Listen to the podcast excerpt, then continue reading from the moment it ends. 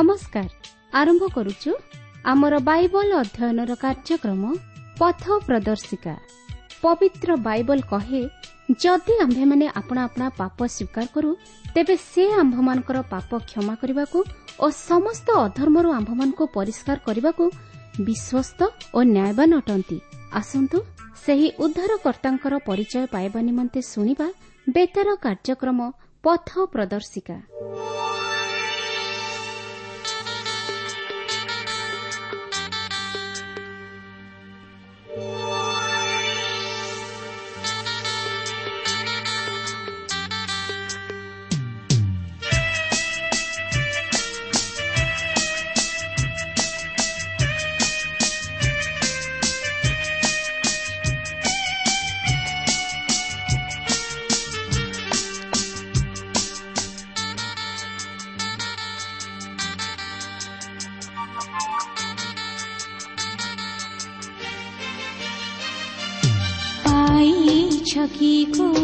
ତୁମେ ଜୀବନରେ ପରିତ୍ରାଣ କରିଛ କି ଅନୁଭବ ମନେ ଶାନ୍ତି ଚିରନ୍ତନ ପାଇଛ କି କୁହ ତୁମେ ଜୀବନରେ ପରିତ୍ରାଣ କରିଛ କି ଅନୁଭବ হব। মনে শান্তি চিরন্তন।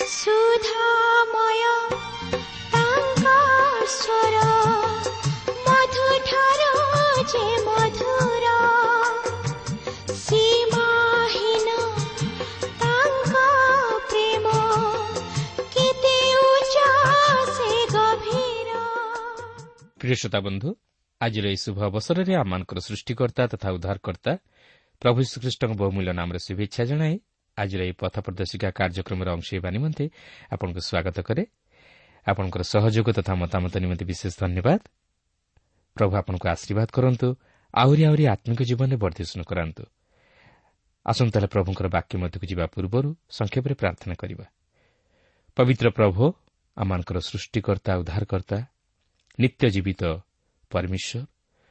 ତୁମର ଧନ୍ୟବାଦ କରୁଅଛୁ ତୁମର ପ୍ରଶଂସା କରୁଅଛୁ ଏହି ସୁନ୍ଦର ସମୟ ପାଇଁ ତୁମର ଜୀବନ୍ତ ବାକ୍ୟ ପାଇଁ। ପ୍ରଭୁ ଆଜି ତୁମର ଏହି ବାକ୍ୟ ମଧ୍ୟ ଦେଇ ତୁମେ ଆମମାନଙ୍କ ସହିତ କଥା କୁହ। ତୁମର ପବିତ୍ର ଉପସ୍ଥିତି ଆମକୁ ଉପଲବ୍ଧି କରିବା ପାଇଁ ଦିଅ ଏବଂ ତୁମର ଇଚ୍ଛା ତୁମର ଅଭିମତ ପ୍ରଭୁ ତୁମେ ଆମ ପ୍ରତ୍ୟେକଙ୍କ ଜୀବନରେ ସଫଳ କର। ପ୍ରତ୍ୟେକ ଶ୍ରୋତା ବନ୍ଧୁମାନଙ୍କୁ ପ୍ରଭୁ ତୁମେ ଆଶୀର୍ବାଦ କରି ପ୍ରତ୍ୟେକଙ୍କୁ ଆତ୍ମିକ ଜୀବନରେ ବର୍ଦ୍ଧିଷ୍ଣୁ କରାଅ। ଏହି ସମସ୍ତ ପ୍ରାର୍ଥନା ପ୍ରିୟ ପ୍ରଭୁ ଯୀଶୁଙ୍କ ନାମରେ ମାଗୁଅଛୁ ଆମେନ୍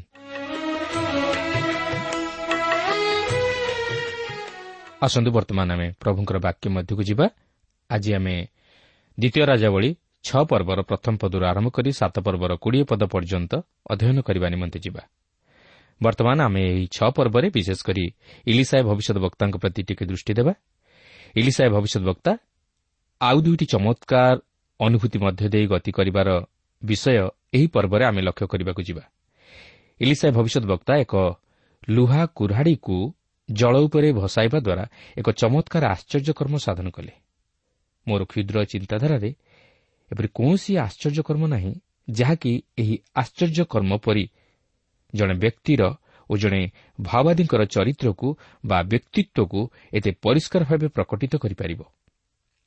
ଦେଖନ୍ତୁ ଛଅ ପର୍ବର ପ୍ରଥମ ପଦରେ ଏହିପରି ଲେଖା ଅଛି ଏକ ସମୟରେ ଭବିଷ୍ୟତ ବକ୍ତୃଗଣର ପୁତ୍ରମାନେ ଇଲିସାଙ୍କୁ କହିଲେ ଏବେ ଦେଖନ୍ତୁ ଆମ୍ଭେମାନେ ଆପଣଙ୍କ ସମ୍ମୁଖରେ ଏଇ ଯେଉଁ ସ୍ଥାନରେ ବାସ କରୁଅଛୁ ତାହା ଆମମାନଙ୍କ ପାଇଁ ସଂକୀର୍ଣ୍ଣ। ଏଥିରୁ ଆମେ ଇଲିସାଏ ଭବିଷ୍ୟତ ବକ୍ତାଙ୍କର ଲୋକପ୍ରିୟତାର ପରିଚୟ ପାଉଅଛୁ। ଯାହା ଜଣାଯାଏ ଇଲିସାୟ ଭବିଷ୍ୟତ ବକ୍ତୃଗଣର ପୁତ୍ରମାନଙ୍କୁ ନେଇ ଏକ ଈଶ୍ୱରୀୟ ବିଦ୍ୟାଳୟ ପରିଚାଳନା କରୁଥିଲେ। ବୋଧହୁଏ ଏହା ମାଓବାଦୀମାନଙ୍କର ବିଦ୍ୟାଳୟ ଥିଲା କିନ୍ତୁ ଯାହା ମନେହୁଏ ଇଲିସାଏଙ୍କର ଉପସ୍ଥିତି ଓ ତାହାଙ୍କର ଲୋକପ୍ରିୟତା ଓ ତାହାଙ୍କର ଆଦର୍ଶତାକୁ ନେଇ ସେହି ବିଦ୍ୟାଳୟର ଛାତ୍ର ସଂଖ୍ୟା ବୃଦ୍ଧି ପାଇବାକୁ ଲାଗିଲା ଯଦ୍ୱାରା ସେମାନେ ଛାତ୍ରାବାସ ନିମନ୍ତେ ଅଧିକ ଗୃହର ଆବଶ୍ୟକତାକୁ ଉପଲବ୍ଧି କଲେ। ଏଥିରୁ ଇଲିସାଏଙ୍କର ଆଦର୍ଶ ଚରିତ୍ର ଓ ଶିକ୍ଷକତା କରିବାର ଦକ୍ଷତା ସ୍ୱଷ୍ଟ ପ୍ରତୀୟମାନ ହୁଏ। କାରଣ କୌଣସି ଶିକ୍ଷାନୁଷ୍ଠାନର ଲୋକପ୍ରିୟତା ଓ ଅଭିବୃଦ୍ଧି ଶିକ୍ଷାର ପ୍ରଣାଳୀ ଉପରେ ନିର୍ଭର କରେ ନାହିଁ ମାତ୍ର ଉପଯୁକ୍ତ ତଥା ଆଦର୍ଶ ଶିକ୍ଷକଙ୍କ ଉପରେ ନିର୍ଭର କରେ।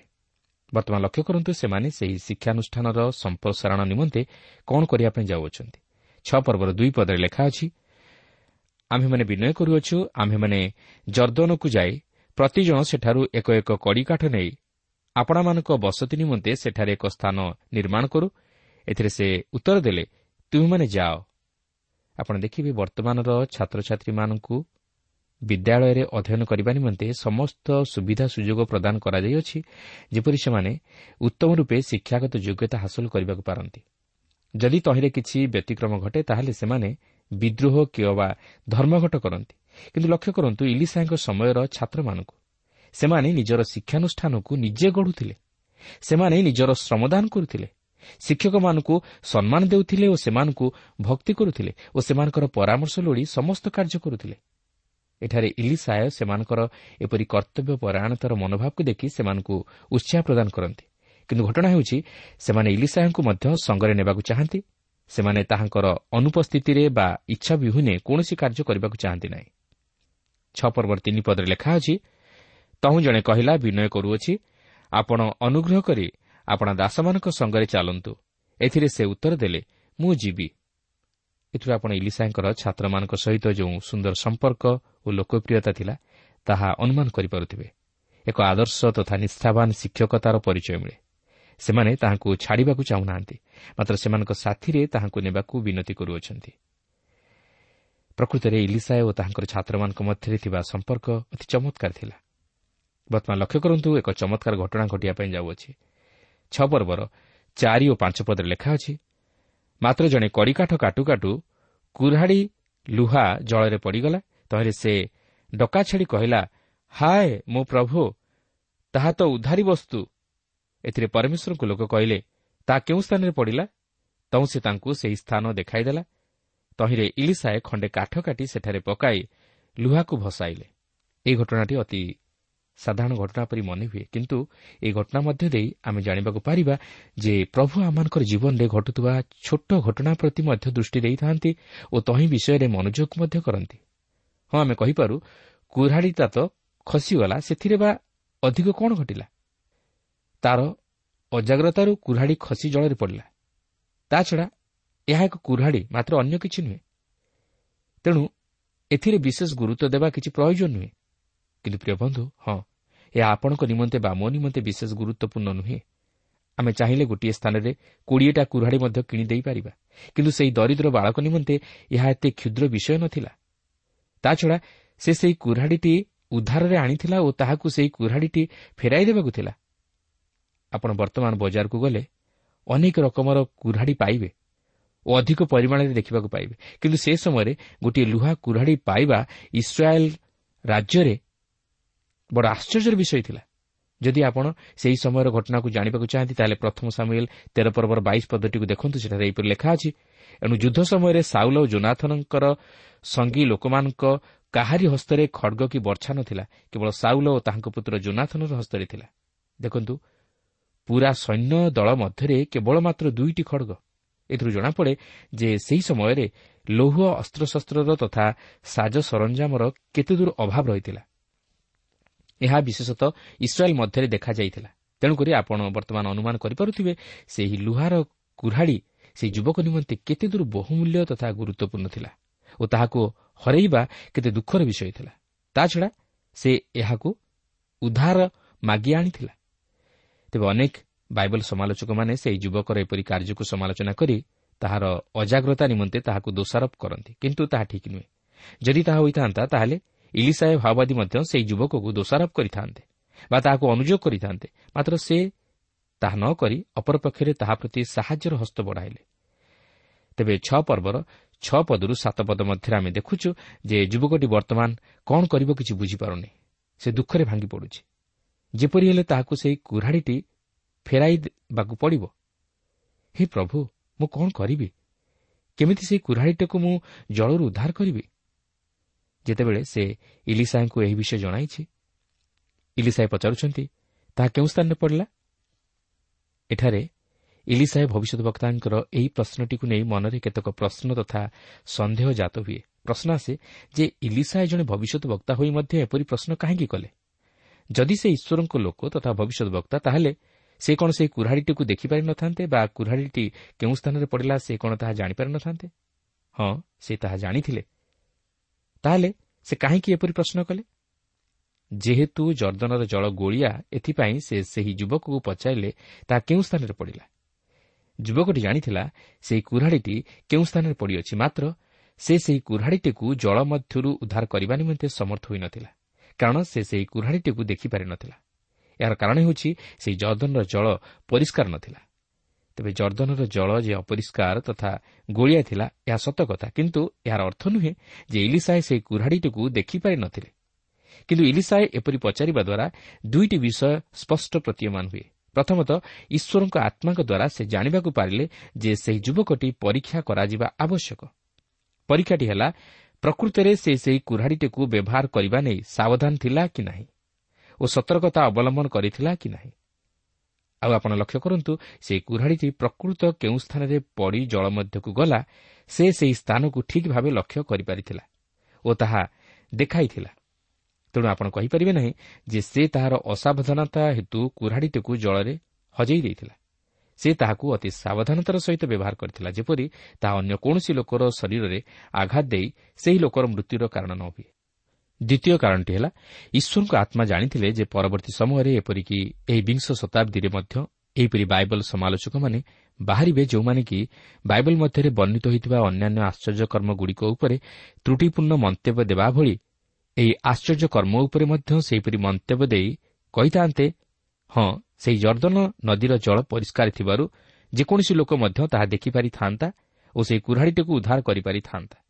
ମାତ୍ର ଇଲିସାଏ ସେହି ଯୁବକକୁ ଏପରି ପଚାରିବା ଦ୍ୱାରା ଭବିଷ୍ୟତରେ ସେହି ଜର୍ଦ୍ଦନ ନଦୀର ଜଳ ପରିଷ୍କାରକୁ କେନ୍ଦ୍ର କରି ଉତ୍ଥାପିତ ହେବାକୁ ଥିବା ଏକ ତ୍ରୁଟିପୂର୍ଣ୍ଣ ତଥା ଆନୁମାନିକ ମନ୍ତବ୍ୟକୁ ଏକ ସମାଧାନରେ ଉପନୀତ କରାଇପାରିଥିଲା ଓ ପ୍ରମାଣିତ କରାଇ ଦେଇଥିଲା ଯେ ଜର୍ଦ୍ଦନର ଜଳ ଅପରିଷ୍କାର ତଥା ଗୋଳିଆ ରହିଥିଲା। କିନ୍ତୁ ଲକ୍ଷ୍ୟ କରନ୍ତୁ ଇଲିସାଏ ଖଣ୍ଡେ କାଠ କାଟି ସେହି ଜଳରେ ପକାଇ ଲୁହାକୁ ଭସାଉଛନ୍ତି। ଆପଣ କେବେ ଖଣ୍ଡେ ଲୁହାକୁ ଜଳରେ ଭାସିବାରେ ଦେଖିଛନ୍ତି? ହଁ ବୈଜ୍ଞାନିକ ପଦ୍ଧତିରେ ନିର୍ମାଣ କରି ଲୌହ ନିର୍ମିତ ଯନ୍ତ୍ରକୁ ଜଳରେ ଭସାଇ ଦିଆଯାଇପାରେ। କିନ୍ତୁ ଖଣ୍ଡେ ଲୁହାକୁ କେବେ ହେଲେ ସିଧାସଳଖ ପାଣିରେ ଭସାଯାଇପାରେ ନା କିନ୍ତୁ ଏହା ଥିଲା ଇଲିସାଏଙ୍କର ଏକ ଆଶ୍ଚର୍ଯ୍ୟକର୍ମ କିନ୍ତୁ ଏହି ଆଶ୍ଚର୍ଯ୍ୟ ଘଟଣା ମଧ୍ୟରୁ ଆମମାନଙ୍କୁ ଏକ ମହାନ ଆତ୍ମିକ ଶିକ୍ଷା ମିଳେ। ମନୁଷ୍ୟ ଆଜି ସେହି ବେଣ୍ଟ ମଧ୍ୟରୁ ଖସି ବାହାରି ପଡ଼ିଥିବା କୁରାଢ଼ୀ ଲୁହା ପରି ହୋଇଯାଇଛି। ସେ ସେହି ପାପରେ ପତିତ ହୋଇଯାଇଛି। ସେ ଆଜି ସମ୍ପୂର୍ଣ୍ଣ କଳୁଷିତ ହୋଇଯାଇଛି। ଇଲିସାଏ ସେହି କୁରାଢ଼ୀ ଲୁହାକୁ ଜଳ ମଧ୍ୟରୁ ବାହାର କରିବା ନିମନ୍ତେ ଯେପରି ଖଣ୍ଡିଏ କାଠ କାଟି ସେହି ଜଳରେ ପକାଇ ସେହି ଲୁହାଟିକୁ ଉଦ୍ଧାର କଲେ ଠିକ୍ ସେହିପରି। ପ୍ରଭୁ ଶ୍ରୀଖ୍ରୀଷ୍ଟ ପାପି ମନୁଷ୍ୟକୁ ସେହି ମୃତ୍ୟୁର ଜଳ ମଧ୍ୟରୁ ଉଦ୍ଧାର କରିବା ପାଇଁ ସେହି କୃଷକାଠରେ ଝୁଲିଲେ ଯେପରି ସେ ନିଜର ସେହି ପବିତ୍ର ରକ୍ତ ମୂଲ୍ୟ ସ୍ୱରୂପେ ଦେଇ ଆମମାନଙ୍କର ସେହି ପାପ ଋଣ ସୁଝି ଆମମାନଙ୍କୁ ଉଦ୍ଧାର କରିବାକୁ ପାରନ୍ତି।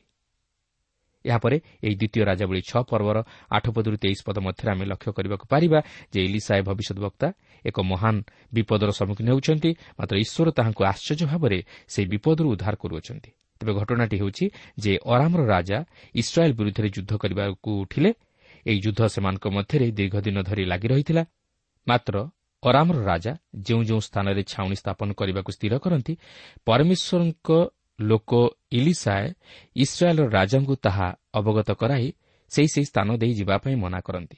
ଓ ଇସ୍ରାଏଲ୍ ରାଜା ଇଲିସାଏଙ୍କ ସମ୍ବାଦ ଅନୁଯାୟୀ ସେହି ସ୍ଥାନକୁ ତାହାଙ୍କର ଲୋକ ପଠାନ୍ତି ଓ ଏହି ରୂପେ ସେ ସେହିସବୁ ସ୍ଥାନମାନଙ୍କରେ ନିଜକୁ ରକ୍ଷା କରନ୍ତି। ତେଣୁକରି ଅରାମୀୟ ରାଜାର ହୃଦୟ ବ୍ୟତିବ୍ୟସ୍ତ ହେଲା ଓ ତା'ର ମନରେ ସନ୍ଦେହ ଜାତ ହେଲା ଯେ ବୋଧହୁଏ ତାହାର ଲୋକମାନଙ୍କ ମଧ୍ୟରେ ଇସ୍ରାଏଲ୍ ରାଜାର ସପକ୍ଷ କିଏ ଅଛି। ତେଣୁ ସେ ତାହା ଜାଣିବାକୁ ଚାହିଁବାରୁ ତାହାର ଦାସମାନଙ୍କ ମଧ୍ୟରୁ ଜଣେ କହିଲା ମହାରାଜ ଆପଣ ନିଜ ଶୟନ ଗୃହରେ ଯାହା ଯାହା କହନ୍ତି ସେସବୁ କଥା ଇସ୍ରାଏଲ୍ର ମଧ୍ୟବର୍ତ୍ତୀ ଇଲିସାଏ ଭବିଷ୍ୟତ ବକ୍ତା ଇସ୍ରାଏଲ୍ର ରାଜାକୁ ଜଣାଏ। ଏହି କଥା ଶୁଣିବା ପରେ ରାଜାଙ୍କ କ୍ରୋଧ ପ୍ରଜ୍ୱଳିତ ହେଲା ଓ ସେ ଇଲିସାଏ ଭବିଷ୍ୟତ ବକ୍ତାଙ୍କୁ ଧରି ଆଣିବା ପାଇଁ ଦୋଥନ୍କୁ ଅଶ୍ୱଗଣ ଓ ରଥ ଓ ମହାସୈନ୍ୟ ଦଳ ପଠାଇଲା କାରଣ ସେହି ସମୟରେ ଇଲିସାଏ ଦୋଥନରେ ଥିଲେ। ଯେତେବେଳେ ଇଲିସାଏଙ୍କ ଦାସ ସେହି ସୈନ୍ୟଦଳ ରଥ ଓ ଅଶ୍ୱ ପ୍ରଭୃତିକୁ ନଗରର ଚତୁର୍ଦ୍ଦିଗରେ ଘେରି ରହିବାର ଦେଖୁଛନ୍ତି ସେତେବେଳେ ସେ ଭୟଭୀତ ହୋଇ ଇଲିସାଏକୁ କହୁଛନ୍ତି ହାଏ ମୋହର ପ୍ରଭୁ ଆମେ କ'ଣ କରିବା? ମାତ୍ର ଇଲିସାଏ ତାହାଙ୍କୁ ସାହସ ଦେଉଛନ୍ତି ଓ ତାହାଙ୍କ ନିମନ୍ତେ ଈଶ୍ୱରଙ୍କ ନିକଟରେ ପ୍ରାର୍ଥନା କରୁଛନ୍ତି ଯେପରି ସେ ଜାଣିବାକୁ ପାରିବେ ଯେ ଈଶ୍ୱର ତାହାଙ୍କ ସପକ୍ଷରେ ଅଛନ୍ତି। ଆଉ ଇଲିସାଏଙ୍କର ପ୍ରାର୍ଥନା ଅନୁଯାୟୀ ଈଶ୍ୱର ତାହାଙ୍କର ଚକ୍ଷୁ ପ୍ରସନ୍ନ କରିବାରୁ ସେ ଦେଖୁଛନ୍ତି ପର୍ବତ ଇଲିସାଏଙ୍କ ଚତୁର୍ଦ୍ଦିଗରେ ଅଗ୍ନିମୟ ଅଶ୍ୱ ଓ ରଥରେ ପରିପୂର୍ଣ୍ଣ। କେବଳ ସେତିକି ନୁହେଁ ସେହି ଅରାମୀୟ ସୈନ୍ୟଗଣଙ୍କ ଚକ୍ଷୁ ଯେପରି ଅନ୍ଧ ହୋଇଯାଏ ଏଥିନିମନ୍ତେ ସେ ଈଶ୍ୱରଙ୍କ ନିକଟରେ ପ୍ରାର୍ଥନା କରିବାରୁ ଈଶ୍ୱର ମଧ୍ୟ ସେମାନଙ୍କର ଚକ୍ଷୁ ଅନ୍ଧ କରିଦେଲେ ଯଦ୍ୱାରା ସେମାନେ ଇଲିସାଏଙ୍କୁ ଚିହ୍ନିପାରିଲେ ନାହିଁ କି ସେହି ପଥ ମଧ୍ୟ ଜାଣିପାରିଲେ ନାହିଁ। ଏହାପରେ ଇଲିସାଏ ସେମାନଙ୍କୁ କୌଶଳକ୍ରମେ ସମରିଆକୁ କଢ଼ାଇ ଆଣିଲେ କାରଣ ସେହି ସମୟରେ ସମରିଆରେ ଇସ୍ରାଏଲ୍ର ରାଜା ରାଜତ୍ୱ କରୁଥିଲେ। ଯେତେବେଳେ ସେମାନେ ସମରିଆରେ ଉପସ୍ଥିତ ହେଲେ ସେତେବେଳେ ସେମାନେ ଯେପରି ଦେଖିପାରନ୍ତି ଏଥିନିମନ୍ତେ ଇଲିସାଏ ଭବିଷ୍ୟତ ବକ୍ତା ଈଶ୍ୱରଙ୍କ ନିକଟରେ ପ୍ରାର୍ଥନା କଲେ ଓ ଈଶ୍ୱର ମଧ୍ୟ ସେମାନଙ୍କର ଚକ୍ଷୁ ମୁକ୍ତ କଲେ ଓ ସେମାନେ ଦେଖିବାକୁ ପାରିଲେ ଯେ ସେମାନେ ସମରିଆରେ ଅଛନ୍ତି। କିନ୍ତୁ ଇସ୍ରାଏଲ୍ର ରାଜା ସେମାନଙ୍କୁ ଆଘାତ କରିବେ କି ନାହିଁ ଏଥିନିମନ୍ତେ ଇଲିସାଏଙ୍କଠାରୁ ପରାମର୍ଶ ଲୋଡ଼ିଲେ। ମାତ୍ର ଇଲିସାଏ ସେମାନଙ୍କୁ ବଦ୍ଧ କରିବାକୁ ଆଦେଶ ନ ଦେଇ ସେମାନଙ୍କ ସମ୍ମୁଖରେ ରୋଟି ଓ ଜଳ ରଖିବା ପାଇଁ କହିଲେ ଓ ସେମାନଙ୍କ ନିମନ୍ତେ ମହାଭୋଜ ପ୍ରସ୍ତୁତ କଲେ। ତହିଁରେ ସେମାନେ ଭୋଜନ ପାନ କଲା ଉତ୍ତାରେ ସେ ସେମାନଙ୍କୁ ବିଦାୟ ଦେଲେ ଓ ସେମାନେ ଆପଣାମାନଙ୍କ ପ୍ରଭୁଙ୍କ ନିକଟକୁ ଫେରିଗଲେ। ବାସ୍ତବରେ ଏଠାରେ ଆମେ ଇଲିସାଙ୍କର ବୁଦ୍ଧିର ସହିତ କାର୍ଯ୍ୟ ପ୍ରାର୍ଥନାଶୀଳ ଜୀବନ ଓ ଈଶ୍ୱରଙ୍କଠାରେ ସମ୍ପୂର୍ଣ୍ଣ ନିର୍ଭରଶୀଳତାର ଜୀବନକୁ ଲକ୍ଷ୍ୟ କରୁଅଛୁ। କେବଳ ସେତିକି ନୁହେଁ ଶତ୍ରୁକୁ ପ୍ରେମ କରିବାର ଏକ ଆଦର୍ଶ ପରିଲକ୍ଷିତ ହୁଏ। ହଁ ଇଲିସାଏ ଓ ତାଙ୍କର ଦାସ ଯଦିଓ ଦୁଇ ଜଣ ମାତ୍ର ଥିଲେ ମାତ୍ର ଈଶ୍ୱର ସେମାନଙ୍କର ସହବର୍ତ୍ତୀ ହେଲେ। କାହିଁକି? ଇଲିସାଏଙ୍କର ପ୍ରାର୍ଥନାଶୀଳ ଜୀବନ ଲାଗି। ପ୍ରାର୍ଥନା ଅସାଧ୍ୟକୁ ସାଧନ କରିପାରେ। ଇଲିସାଏ ଯଦିଓ ଏକାକୀ ଥିଲେ ମାତ୍ର ଈଶ୍ୱର ଯେ ତାହାଙ୍କର ସହିତ ଅଛନ୍ତି ଏହି ଦୃଢ଼ ଭରସା ତଥା ଆତ୍ମବଳ ତାହାଙ୍କର ଥିଲା। ସେ ଅଧୈର୍ଯ୍ୟ ହୋଇଯାଇ ନଥିଲେ କି ଭୟଭୀତ ହୋଇନଥିଲେ କିନ୍ତୁ ଈଶ୍ୱରଙ୍କ ନିକଟରେ ପ୍ରାର୍ଥନା କଲେ। ଈଶ୍ୱର ମଧ୍ୟ ତାହାଙ୍କର ପ୍ରାର୍ଥନା ଶୁଣି ତାହାଙ୍କୁ ଶତ୍ରୁ ହସ୍ତରୁ ଉଦ୍ଧାର କଲେ। ତଥାପି ସେ ଶତ୍ରୁମାନଙ୍କୁ ବିନାଶ କଲେ ନାହିଁ ମାତ୍ର ସେମାନଙ୍କୁ ଭୋଜନ ପାନ କରାଇ ସେମାନଙ୍କ କର୍ତ୍ତାଙ୍କ ନିକଟକୁ ପଠାଇଦେଲେ। ପ୍ରିୟ ବନ୍ଧୁ ଯେତେବେଳେ ଆମେ ସମସ୍ୟା ତଥା ବିପଦରେ ପଡ଼ୁ ସେତେବେଳେ ଆମେ ଜାଣି ରଖିବା ଉଚିତ ଯେ ଈଶ୍ୱର ଆମ ସହିତ ଅଛନ୍ତି। ସେହି ପ୍ରଭୁ ଯୀଶୁଖ୍ରୀଷ୍ଟ ତାଙ୍କର ପ୍ରତିଜ୍ଞା ଅନୁଯାୟୀ ଆମମାନଙ୍କୁ ସୁରକ୍ଷା ଦେବା ନିମନ୍ତେ ତାହାଙ୍କର ସେହି ସହାୟତାର ହସ୍ତ ବଢ଼ାଇଥାନ୍ତି। କିନ୍ତୁ ଆମେ ଆମର ଅବିଶ୍ୱାସ ଓ ଅନ୍ଧତା ଲାଗି ତାହାଙ୍କର ସେହି ହସ୍ତକୁ ଦେଖିପାରୁନା କିମ୍ବା ତାହାଙ୍କର ଉପସ୍ଥିତିକୁ ଉପଲବ୍ଧି କରିପାରୁନା। ମାତ୍ର ଆମେ ଭୟଭୀତ ହୋଇ ହତାଶ ତଥା ବିଶ୍ୱାସରେ ଭାଙ୍ଗିପଡ଼ୁ। କିନ୍ତୁ ଆମେ ଯଦି ତାହାଙ୍କଠାରେ ବିଶ୍ୱାସରେ ସ୍ଥିର ରହି ପ୍ରାର୍ଥନା କରିବା ଓ ବୁଦ୍ଧିର ସହିତ କାର୍ଯ୍ୟ କରିବା ତାହେଲେ ଉଦ୍ଧାର ପାଇବା। ଏହାପରେ ଦ୍ୱିତୀୟ ରାଜାବଳୀ ଛଅ ପର୍ବର ଚବିଶରୁ ପଚିଶ ପଦ ମଧ୍ୟରେ ଲେଖା ଅଛି ଏଥି ଉତ୍ତାରେ ଅରାମର ରାଜା ବିନ୍ ହଦତ ଆପଣାର ସମସ୍ତ ସୈନ୍ୟ ଏକତ୍ର କରି ଯାଇ ସମରିଆକୁ ଅବରୋଧ କଲା। ତହିଁରେ ସମରିଆରେ ମହାଦୁର୍ଭିକ୍ଷ ହେଲା। ଆଉ ଦେଖ ଏକ ଗର୍ଦ୍ଧବର ମୁଣ୍ଡ ଅଶୀ ରୌପ୍ୟ ମୁଦ୍ରାରେ ଓ କପୋତ ମଳର ଏକ କାବର ଚତୁର୍ଥାଂଶ ପାଞ୍ଚ ରୌପ୍ୟ ମୁଦ୍ରାରେ ବିକ୍ରୟ ହେବା ପର୍ଯ୍ୟନ୍ତ ସେମାନେ ତାହା ଅବରୋଧ କଲେ। ଦେଖନ୍ତୁ ଏହି ଦୁର୍ଭିକ୍ଷ ଏତେ ଭୟଙ୍କର ଥିଲା ଯେ ଏପରିକି ଗଧର ମୁଣ୍ଡ ମଧ୍ୟ ଅତିରିକ୍ତ ମୂଲ୍ୟରେ ବିକ୍ରୟ କରାଗଲା। ଚିନ୍ତା କରନ୍ତୁ ଗୋଟିଏ ଗଧର ମୁଣ୍ଡରୁ କେତେ ବା ମାଂସ ବାହାରିବ। କିନ୍ତୁ ତାହାକୁ ମଧ୍ୟ ଲୋକେ ଅଶୀ ରୌପ୍ୟ ମୁଦ୍ରା ଦେଇ କିଣିଲେ। ଏପରିକି କପୋତ ମଳକୁ ମଧ୍ୟ ଲୋକେ କ୍ରୟ କଲେ। ଆଉ ଏହିପରି ସମୟରେ ଅରାମର ରାଜା ବିନହଦ ସମରିଆକୁ ଅବରୋଧ କରିଥିଲେ। ଏହାପରେ ପରବର୍ତ୍ତୀ କେତେକ ପଦରେ ଆମେ ଲକ୍ଷ୍ୟ କରିବାକୁ ପାରୁ ଯେ ଏହି ଦୁର୍ଭିକ୍ଷ ଏପରି ଭୟଙ୍କର ଆଡ଼କୁ ଗତି କଲା ଯାହାଫଳରେ ଖାଦ୍ୟର ଅଭାବ ଘଟିବା ହେତୁ ସେମାନେ ସେମାନଙ୍କର ସନ୍ତାନଗଣର ମାଂସ ଖାଇଲେ।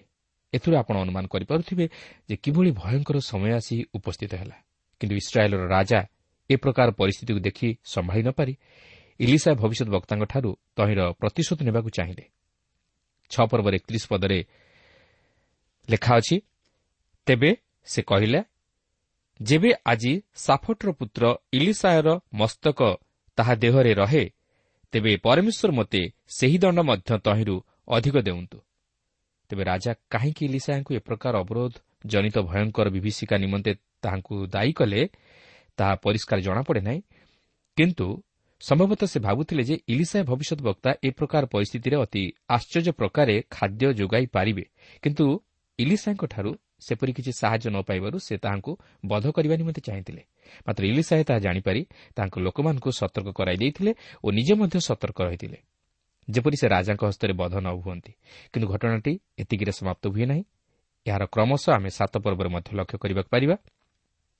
ଇଲିସାଙ୍କ ବାକ୍ୟ ଦ୍ୱାରା ସେହି ସମସ୍ୟାର ମଧ୍ୟ ସମାଧାନ ଘଟିଲା। ତାଙ୍କର ଭାବାଣୀ ଅନୁଯାୟୀ ଲୋକମାନେ ପ୍ରଚୁର ଖାଦ୍ୟଶସ୍ୟ ପାଇଲେ ଓ ତାଙ୍କ ଭାବାଣୀ ମଧ୍ୟ ସଫଳ ହେଲା। ତେବେ ଏଠାରେ ଆମେ ଛଅ ପର୍ବଟି ଅଧ୍ୟୟନ କରି ସମାପ୍ତ କଲୁ ମାତ୍ର ଏହାପରେ ଆମେ ସାତ ପର୍ବ ମଧ୍ୟକୁ ଯିବା। ତେବେ ଏହି ପ୍ରକାର ଏକ ଘଡ଼ିସନ୍ଧି ମୁହୂର୍ତ୍ତରେ ଈଶ୍ୱର ଇଲିସାଙ୍କୁ ରାଜାଙ୍କ ହସ୍ତରୁ ରକ୍ଷା କରିବା ସଙ୍ଗେ ସଙ୍ଗେ ତାହାଙ୍କୁ ଏକ ଶୁଭ ସମ୍ବାଦ ମଧ୍ୟ ପ୍ରଦାନ କରନ୍ତି। ତାହା ହେଉଛି ଦୁର୍ଭିକ୍ଷର ଅବସାନ ଘଟିବ ଓ ସୁଭିକ୍ଷର ଆଗମନ ହେବ। ଈଶ୍ୱର ଇଲିସାଙ୍କ ମୁଖ ଦ୍ୱାରା ସେହି ଭାବାଣୀ ପ୍ରକାଶ କରନ୍ତି ଓ ତାହା ମଧ୍ୟ ଅକ୍ଷରେ ଅକ୍ଷରେ ସଫଳ ହେଲା। ସାତ ପର୍ବର ପ୍ରଥମ ପଦରେ ଏହିପରି ଲେଖା ଅଛି ସେତେବେଳେ ଇଲିସାଏ କହିଲେ ତୁମେମାନେ ସଦାପ୍ରଭୁଙ୍କ ବାକ୍ୟ ଶୁଣ। ସଦାପ୍ରଭୁ ଏହି କଥା କହନ୍ତି କାଲି ପ୍ରାୟ ଏହି ସମୟକୁ ସମରିଆର ନଗର ଦ୍ୱାରରେ ଏକ ପଶୁରୀ ସରୁ ମଇଦା ଏକ ସେକଲରେ ଓ ଦୁଇ ପଶୁରୀ ଜବ ଏକ ସେକଲରେ ବିକାଯିବ। ଏଠାରେ ଆମେ ସେହି ଦୁର୍ଭିକ୍ଷ ଦୂର ହେବା ନେଇ ଏକ ଭାବଣୀ ପ୍ରଦାନ କରାଯିବାର ଲକ୍ଷ୍ୟ କରୁଅଛୁ। ଏକ ପଶୁରୀ ସରୁ ମଇଦାର ପରିମାଣ ଏକ ଗୌଣୀ ବୋଲି ହିସାବ କରାଯାଏ ଯାହାକି ସାଢ଼େ ତିନି ସେର ଓ ଏକ ସେକଲ ମୂଲ୍ୟ ହାରାହାରି ଦଶ ଅଣା ହୋଇଥାଇପାରେ। ତେଣୁ ଏଥିରୁ ଜଣାଯାଏ ଯେ ଏହା ସୁଭିକ୍ଷ ଆଗମନର ଏକ ଭାବ ଆଣିଥିଲା। କିନ୍ତୁ ଏହା ସେମାନଙ୍କ ବିଶ୍ୱାସଯୋଗ୍ୟ ନଥିଲା କାରଣ ଯେଉଁଠି ଖାଦ୍ୟଶସ୍ୟର ଅଭାବ ସେଠି ଏକ ପଶୁରୀ ସରୁ ମଇଦା ବା ଜବ ଏକ ସେକଲରେ କିପରି ବିକ୍ରି ହେବା ସମ୍ଭବ ହେବ? ଯେତେବେଳେ ସମରିଆ ଅରାମିୟମାନଙ୍କ ଦ୍ୱାରା ଅବରୋଧ ହୋଇଅଛି ଓ କେହି ବାହାରକୁ କିମ୍ବା ଭିତରକୁ ଯା ଆସ କରିପାରୁନାହାନ୍ତି ତାହେଲେ ଏପରି ପରିସ୍ଥିତିରେ କିଏ ଖାଦ୍ୟଶସ୍ୟ ଯୋଗାଇବ ଓ ଏହା ପୁଣି କମ୍ ଦାମରେ ବିକ୍ରୟ କରାଯିବ? ଏହା କେବେ ହେଲେ ସମ୍ଭବ ହୋଇପାରେ ନା? କିନ୍ତୁ ସେ ଯାହା ହେଉନା କାହିଁକି ଇସ୍ରାଏଲ୍ର ରାଜା କିନ୍ତୁ ଇଲିସାଙ୍କ ଭାବବାଣୀରେ ବିଶ୍ୱାସ କଲେ। ମାତ୍ର ଦୁଃଖର ବିଷୟ ତାହାଙ୍କର ସେନାପତି ସେହି ଭାବବାଣୀକୁ ବିଶ୍ୱାସ କଲେ ନାହିଁ।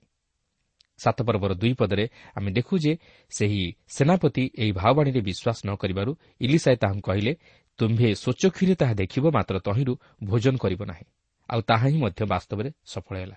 ଯାହାକି ଆମେ ପରେ ଅଧ୍ୟୟନ କଲେ ଜାଣିପାରିବା।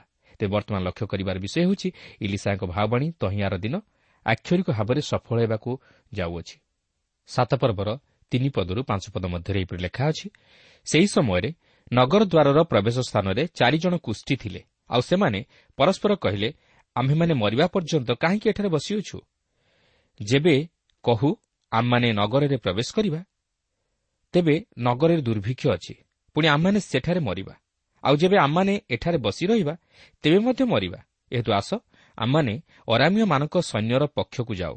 ଯେବେ ସେମାନେ ଆମମାନଙ୍କୁ ବଞ୍ଚାଇ ରଖିବେ ତେବେ ଆମମାନେ ବଞ୍ଚିବା। ଆଉ ଯେବେ ଆମମାନଙ୍କୁ ମାରି ପକାଇବେ ତେବେ ମରିବା।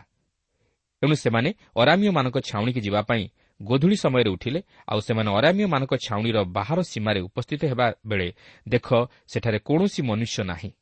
ଯେହେତୁ ସେମାନେ କୁଷ୍ଠରୋଗୀ ତେଣୁକରି ସେମାନଙ୍କୁ ସମାଜ ମଧ୍ୟରୁ ବହିଷ୍କାର କରିଦିଆଯାଇଥିଲା ଓ ସେମାନଙ୍କୁ ନଗରର ବାହାରେ ରଖାଯାଇଥିଲା। ତେଣୁକରି ସେମାନେ ସେହି ନଗର ଦ୍ୱାରର ପ୍ରବେଶ ସ୍ଥାନରେ ରହୁଥିଲେ ଓ ସେମାନଙ୍କର ଆତ୍ମୀୟମାନେ ସେମାନଙ୍କୁ ଖାଦ୍ୟ ପଦାର୍ଥ ଯୋଗାଉଥିଲେ। କିନ୍ତୁ ଦୁର୍ଭିକ୍ଷ ହେତୁ ସେମାନଙ୍କର ଆତ୍ମୀୟମାନେ ମଧ୍ୟ ସେମାନଙ୍କୁ ଖାଦ୍ୟ ପଦାର୍ଥ ଯୋଗାଇବା ନିମନ୍ତେ ସମର୍ଥ ହୋଇପାରିଲେ ନାହିଁ। ତେଣୁକରି ସେମାନେ ଦେଖିଲେ ଯେ ଏପରି କ୍ଷୁଧାରେ ମରିବା ଅପେକ୍ଷା ଅରାମିୟମାନଙ୍କ ସୈନ୍ୟଶ୍ରେଣୀ ମଧ୍ୟକୁ ଯାଇ ନିଜର କ୍ଷୁଧା ନିବାରଣ ନିମନ୍ତେ ସେମାନଙ୍କର ଶରଣାପନ୍ନ ହେବା ଶ୍ରେୟସ୍କର। ଯଦି ସେମାନଙ୍କ ହସ୍ତରେ ମରିବାକୁ ଥିବ ତାହେଲେ ମରିବା ଯଦି ବଞ୍ଚିବାକୁ ଥିବ ତାହେଲେ ବଞ୍ଚିବା। ମାତ୍ର ଘଟଣାଟି ବିପରୀତ ଘଟିଲା। ସେମାନେ ଅରାମିୟମାନଙ୍କ ସୈନ୍ୟ ଛାଉଣିର ବାହାରେ ଉପସ୍ଥିତ ହୋଇ ଦେଖନ୍ତି ତ ସେଠାରେ କୌଣସି ମନୁଷ୍ୟ ନାହାନ୍ତି। ତାହେଲେ ସେମାନେ ସବୁ କୁଆଡ଼େ ଗଲେ? ସେମାନଙ୍କ ପ୍ରତି କ'ଣ ସବୁ ଘଟିଲା? ଯଦି ଆମେ ସାତ ପର୍ବର ଛଅରୁ ସାତ ପଦ ମଧ୍ୟରେ ଦେଖିବା ତାହେଲେ ଆମେ ଦେଖୁ ଯେ ଈଶ୍ୱରଙ୍କ ନିକଟରେ କୌଣସି ବିଷୟ ଅସମ୍ଭବ ନୁହେଁ। ସେ ଯାହା ପ୍ରତିଜ୍ଞା କରିଥାନ୍ତି ତାହା କେବେ ହେଲେ ବିଫଳ ହୁଏ ନାହିଁ। ସେ ଇଲିସାଏ ଭବିଷ୍ୟତ ବକ୍ତାଙ୍କ ମୁଖ ଦ୍ୱାରା ଯାହା ପ୍ରକାଶ କରିଥିଲେ ତାହା ଆକ୍ଷରିକ ଭାବେ ସଫଳ ହେବାକୁ ଯାଉଅଛି। ଈଶ୍ୱର ସେହି ଅଶ୍ୱ ଶବ୍ଦ ଓ ରଥ ଶବ୍ଦ ଅର୍ଥାତ୍ ମହାସୈନ୍ୟଶ୍ରେଣୀ ଶବ୍ଦ ଶୁଣାଇ ଅରାମିୟମାନଙ୍କୁ ଭୟଭୀତ କରାଇଲେ। ଫଳରେ ସେମାନେ ସବୁକିଛି ଛାଉଣି ମଧ୍ୟରେ ଛାଡ଼ିଦେଇ ପ୍ରାଣରକ୍ଷାର୍ଥେ ଦୌଡ଼ି ପଳାଇଲେ। ଏହାପରେ ସାତ ପର୍ବର ଆଠ ପଦରୁ ଏଗାର ପଦ ମଧ୍ୟରେ ଆମେ ଦେଖୁ ଯେ ସେହି କୁଷ୍ଠୀମାନେ ସେହି ସମସ୍ତ ଖାଦ୍ୟ ପଦାର୍ଥ ପାଇବା ସଙ୍ଗେ ସଙ୍ଗେ ସେମାନେ ଅନ୍ୟମାନଙ୍କୁ ମଧ୍ୟ ସେହି ଶୁଭ ସମ୍ବାଦ ପ୍ରଦାନ କଲେ ଯେଉଁମାନେ କି କ୍ଷୁଧାରେ ରହିଥିଲେ ଆଉ ଇଲିସାଏଙ୍କ ଦ୍ୱାରା କରାଯାଇଥିବା ଭବିଷ୍ୟବାଣୀ ଆକ୍ଷରିକ ଭାବରେ ସଫଳ ହେଲା। ବାସ୍ତବରେ ସେହି କୁଷ୍ଠୀମାନେ ଯେଉଁ ଶୁଭ ସମ୍ବାଦ ଦେଇଥିଲେ ତାହା ଅନେକଙ୍କର ଜୀବନକୁ ମୃତ୍ୟୁରୁ ରକ୍ଷା କରିଥିଲା। ଏଠାରେ ମଧ୍ୟ ଆମକୁ ଏକ ଚମତ୍କାର ଆତ୍ମିକ ଶିକ୍ଷା ମିଳେ। ଆମେ ଯେପରି ସ୍ୱାର୍ଥପର ନ ହେଉ ମାତ୍ର ଅନ୍ୟମାନଙ୍କ ଜୀବନ ନିମନ୍ତେ ଚିନ୍ତା କରୁ। ଏହାପରେ ସାତ ପର୍ବର ଷୋହଳ ପଦରେ ଲେଖା ଅଛି ତହିଁରେ ଲୋକମାନେ ବାହାରକୁ ଯାଇ ଅରାମିୟମାନଙ୍କ ଛାଉଣି ଲୁଟ କଲେ ତେଣୁ ସଦାପ୍ରଭୁଙ୍କ ବାକ୍ୟାନୁସାରେ ଏକ ପଶୁରୀ ସରୁ ମଇଦା ଏକ ସେକଲରେ ଓ ଦୁଇ ପଶୁରୀ ଜବ ଏକ ସେକଲରେ ବିକାଗଲା। ଏହା କ'ଣ ଏକ ଚମତ୍କାର ବିଷୟ ନୁହେଁ କି? ଈଶ୍ୱରଙ୍କ ପକ୍ଷେ କୌଣସି ବିଷୟ ଅସମ୍ଭବ ନୁହେଁ। ସମସ୍ତ ହିଁ ସମ୍ଭବ କିନ୍ତୁ ଆମର ବିଶ୍ୱାସ ରହିବା ଦରକାର। କିନ୍ତୁ ଦେଖନ୍ତୁ ଯେଉଁ ସେନାପତି ଇଲିସାଏଙ୍କର ଭାବବାଣୀକୁ ବିଶ୍ୱାସ କରିନଥିଲା ଇଲିସାଏଙ୍କର ବାକ୍ୟ ଅନୁଯାୟୀ ସେ ଏହି ଆନନ୍ଦ ତଥା ଆଶୀର୍ବାଦରୁ ବଞ୍ଚିତ ହେଲା। ଯାହାକି ଆମେ ସାତ ପର୍ବର ସତର ପଦରୁ କୋଡ଼ିଏ ପଦ ମଧ୍ୟରେ ଲକ୍ଷ୍ୟ କରିବାକୁ ପାରୁ। ପ୍ରିୟ ବନ୍ଧୁ ଈଶ୍ୱରଙ୍କ ବାକ୍ୟ କେବେ ହେଲେ ଅନ୍ୟଥା ହୁଏ ନାହିଁ। ମନୁଷ୍ୟ ନିଜର କର୍ମ ଅନୁଯାୟୀ ତହିଁର ଫଳ ମଧ୍ୟ ଭୋଗ କରେ। ଇଲିସାଙ୍କର ବାକ୍ୟକୁ ସେହି ସେନାପତି ତୁଚ୍ଛ କରିଥିଲା ମାତ୍ର ଇଲିସାଙ୍କର ବାକ୍ୟ ଅନୁଯାୟୀ ତାହା ପ୍ରତି ତହିଁର ପ୍ରତିଫଳ ବର୍ତ୍ତିଲା ପ୍ରିୟ ବନ୍ଧୁ ଈଶ୍ୱରଙ୍କ ବାକ୍ୟର ଅବିଶ୍ୱାସ କଲେ ତହିଁର ପ୍ରତିଫଳ ବଡ଼ ଭୟଙ୍କର ହୁଏ। ଈଶ୍ୱରଙ୍କ ବାକ୍ୟକୁ ଯିଏ ହାଲୁକା ଭାବରେ ଗ୍ରହଣ କରେ ସେ କେବେ ହେଲେ ଈଶ୍ୱରଙ୍କର ବାସ୍ତବ ଅଭିମତକୁ ବୁଝିପାରେ ନା କି ଆଶୀର୍ବାଦର ଅଧିକାରୀ ହୋଇପାରେ ନା ତେଣୁ ଈଶ୍ୱରଙ୍କ ବାକ୍ୟ କେବଳ ଶୁଣି ଯଦି ଆମେ ତାହାକୁ ବିଶ୍ୱାସରେ ଗ୍ରହଣ କରୁନା ତାହେଲେ ଆମେ ଈଶ୍ୱରଙ୍କ ବାକ୍ୟ ଶୁଣିବା ବା ଅଧ୍ୟୟନ କରିବା ବୃଥା। କେବଳ ସେତିକି ନୁହେଁ ଆମେ ଈଶ୍ୱରଙ୍କ ବାକ୍ୟ ଦ୍ୱାରା ନିଜେ ଉପକୃତ ହେବା ସଙ୍ଗେ ସଙ୍ଗେ ଅନ୍ୟମାନଙ୍କୁ ମଧ୍ୟ ତହିଁର ଅଂଶୀ କରାଇବା ଉଚିତ। ସେହି ସୁସମ୍ବାଦକୁ ଅନ୍ୟମାନଙ୍କ ନିକଟରେ ପହଞ୍ଚାଇ ସେମାନଙ୍କୁ ଈଶ୍ୱରଙ୍କ ଆଶୀର୍ବାଦ ତଥା ଅନୁଗ୍ରହର ଅଧିକାରୀ କରାଇବା ଉଚିତ। ତେବେ ଆଜି ପାଇଁ ଏହିଠାରେ ଆମେ ଏହି କାର୍ଯ୍ୟକ୍ରମ ସ୍ଥଗିତ ରଖିବା। ପ୍ରଭୁ ପ୍ରତ୍ୟେକଙ୍କର ସହବର୍ତ୍ତୀ ହୁଅନ୍ତୁ।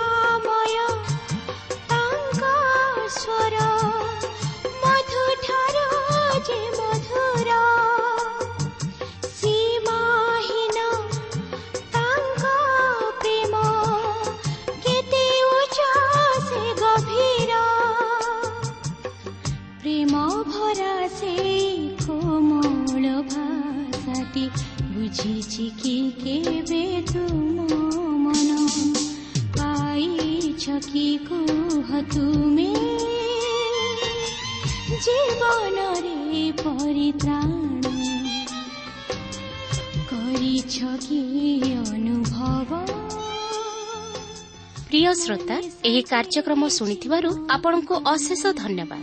ଏହି କାର୍ଯ୍ୟକ୍ରମ ଆପଣଙ୍କୁ କିପରି ଲାଗିଲା ଓ କେଉଁ ବିଷୟଟି ଆପଣଙ୍କ ହୃଦୟକୁ ଅଧିକ ସ୍ପର୍ଶ କରିଛି ତାହା ଲେଖି ଜଣାଇଲେ ଆମେ ବିଶେଷ ଉପକୃତ ହେବୁ। ଯଦି କିଛି ପ୍ରଶ୍ନ ବା ସନ୍ଦେହ ଥାଏ ତାହା ପତ୍ର ମାଧ୍ୟମରେ ଅଥବା ଟେଲିଫୋନ୍ ଯୋଗେ ଆମକୁ ଜଣାନ୍ତୁ।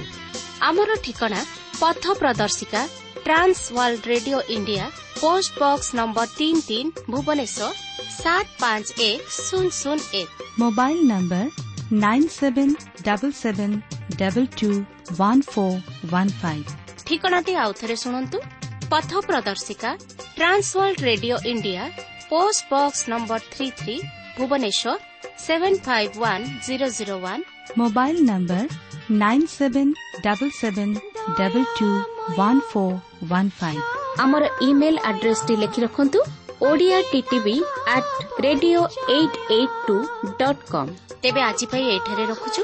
ନମସ୍କାର।